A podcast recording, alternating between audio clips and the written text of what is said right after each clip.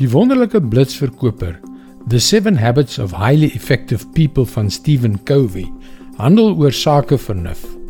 Die tweede gewoonte wat hy bespreek, is om te begin met die einddoel voor oë.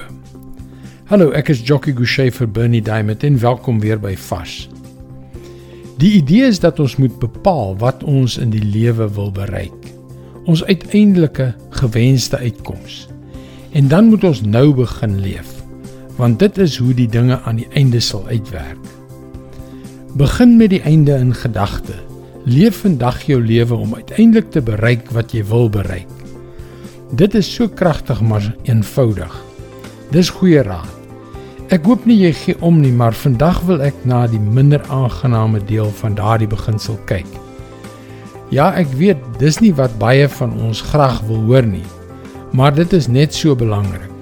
Trouwens, selfs baie meer belangrik. Kyk wat sê die profeet in Obadja 1 vers 15. Die dag is naby dat ek, die Here, met die goddelose nasies sal afreken.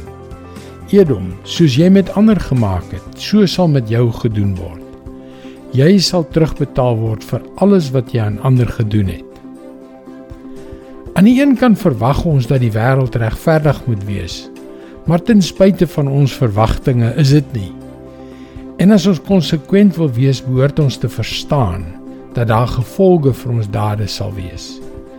Mense moet verantwoordelik gehou word vir wat hulle doen. Maar aan die ander kant vind baie mense die idee dat God ons optrede uiteindelik gaan oordeel baie onaanvaarbaar. Wel ek is jammer daaroor, maar dit verander niks aan die saak nie. God is God en die dag van die Here kom. Miskien gouer as wat ons dink. Die bose dinge wat ons vandag doen sal terugkom om ons te byt.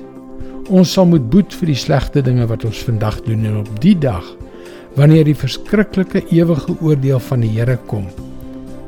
Nou ja, wat is die antwoord? Leef jou lewe hier en nou met die einde in gedagte. Dit is God se woord vars vir jou vandag.